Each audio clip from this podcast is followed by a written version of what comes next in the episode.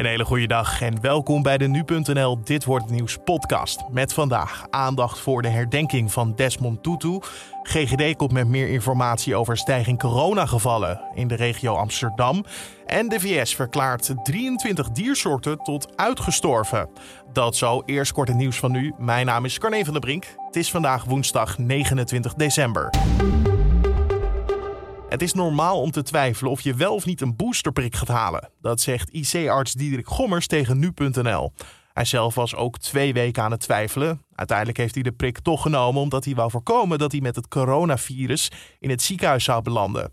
Als we hierna snel weer een nieuwe booster nodig hebben, dan blijft Gommers kritisch of het wel nodig is. In een asielzoekerscentrum in Sneek zijn vannacht vijf mensen gewond geraakt door een brand. Het vuur werd mogelijk aangestoken en de politie heeft één verdachte gearresteerd. In de keuken van een woning zou de brand zijn ontstaan en hierdoor moesten andere woningen worden ontruimd. De brand was snel geblust en daarna kon iedereen weer terug naar zijn eigen bed. Jongeren zijn steeds vaker verdacht in een moordzaak. Het aantal zaken waarbij minderjarigen worden verdacht van moord of pogingen daartoe is meer dan verdubbeld. Dat blijkt uit cijfers die het AD heeft opgevraagd. De hoogste man bij het OM zegt in de krant bezorgd te zijn over deze stijging. Dat komt waarschijnlijk omdat jongeren steeds meer messen en vuurwapens bij zich hebben. En sneltests zijn mogelijk minder betrouwbaar bij de Omicron-variant in vergelijking met andere varianten. Daarvoor waarschuwt de Amerikaanse medicijnwaakhond. De eerste gegevens laten zien dat een vals negatieve uitslag groter is bij Omicron. Desondanks wordt het gebruik van de sneltest nog niet afgeraden door de toezichthouder.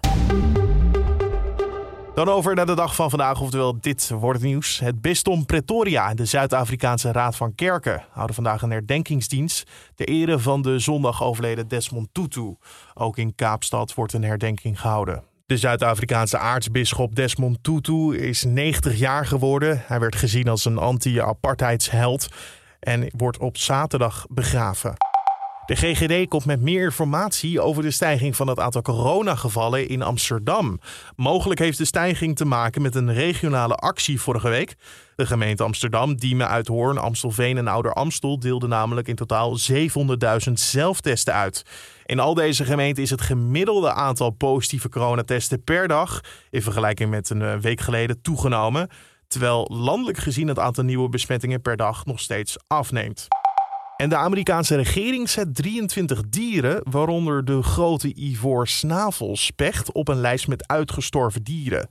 Het federale fauna- en visagentschap heeft hiertoe een voorstel ingediend. En de meeste soorten, waaronder vogels en vissen, zijn al langere tijd niet meer waargenomen. Er wordt nog wel gezocht naar de dieren, maar het lijkt er niet op dat ze nog in levende vorm worden aangetroffen. Onder de 23 soorten waarvan nu wordt voorgesteld om ze tot uitgestorven te verklaren, zitten een vleermuis, 11 vogels, 8 zoetwatermosselen, twee vissoorten en een bloeiende plant in de muntfamilie.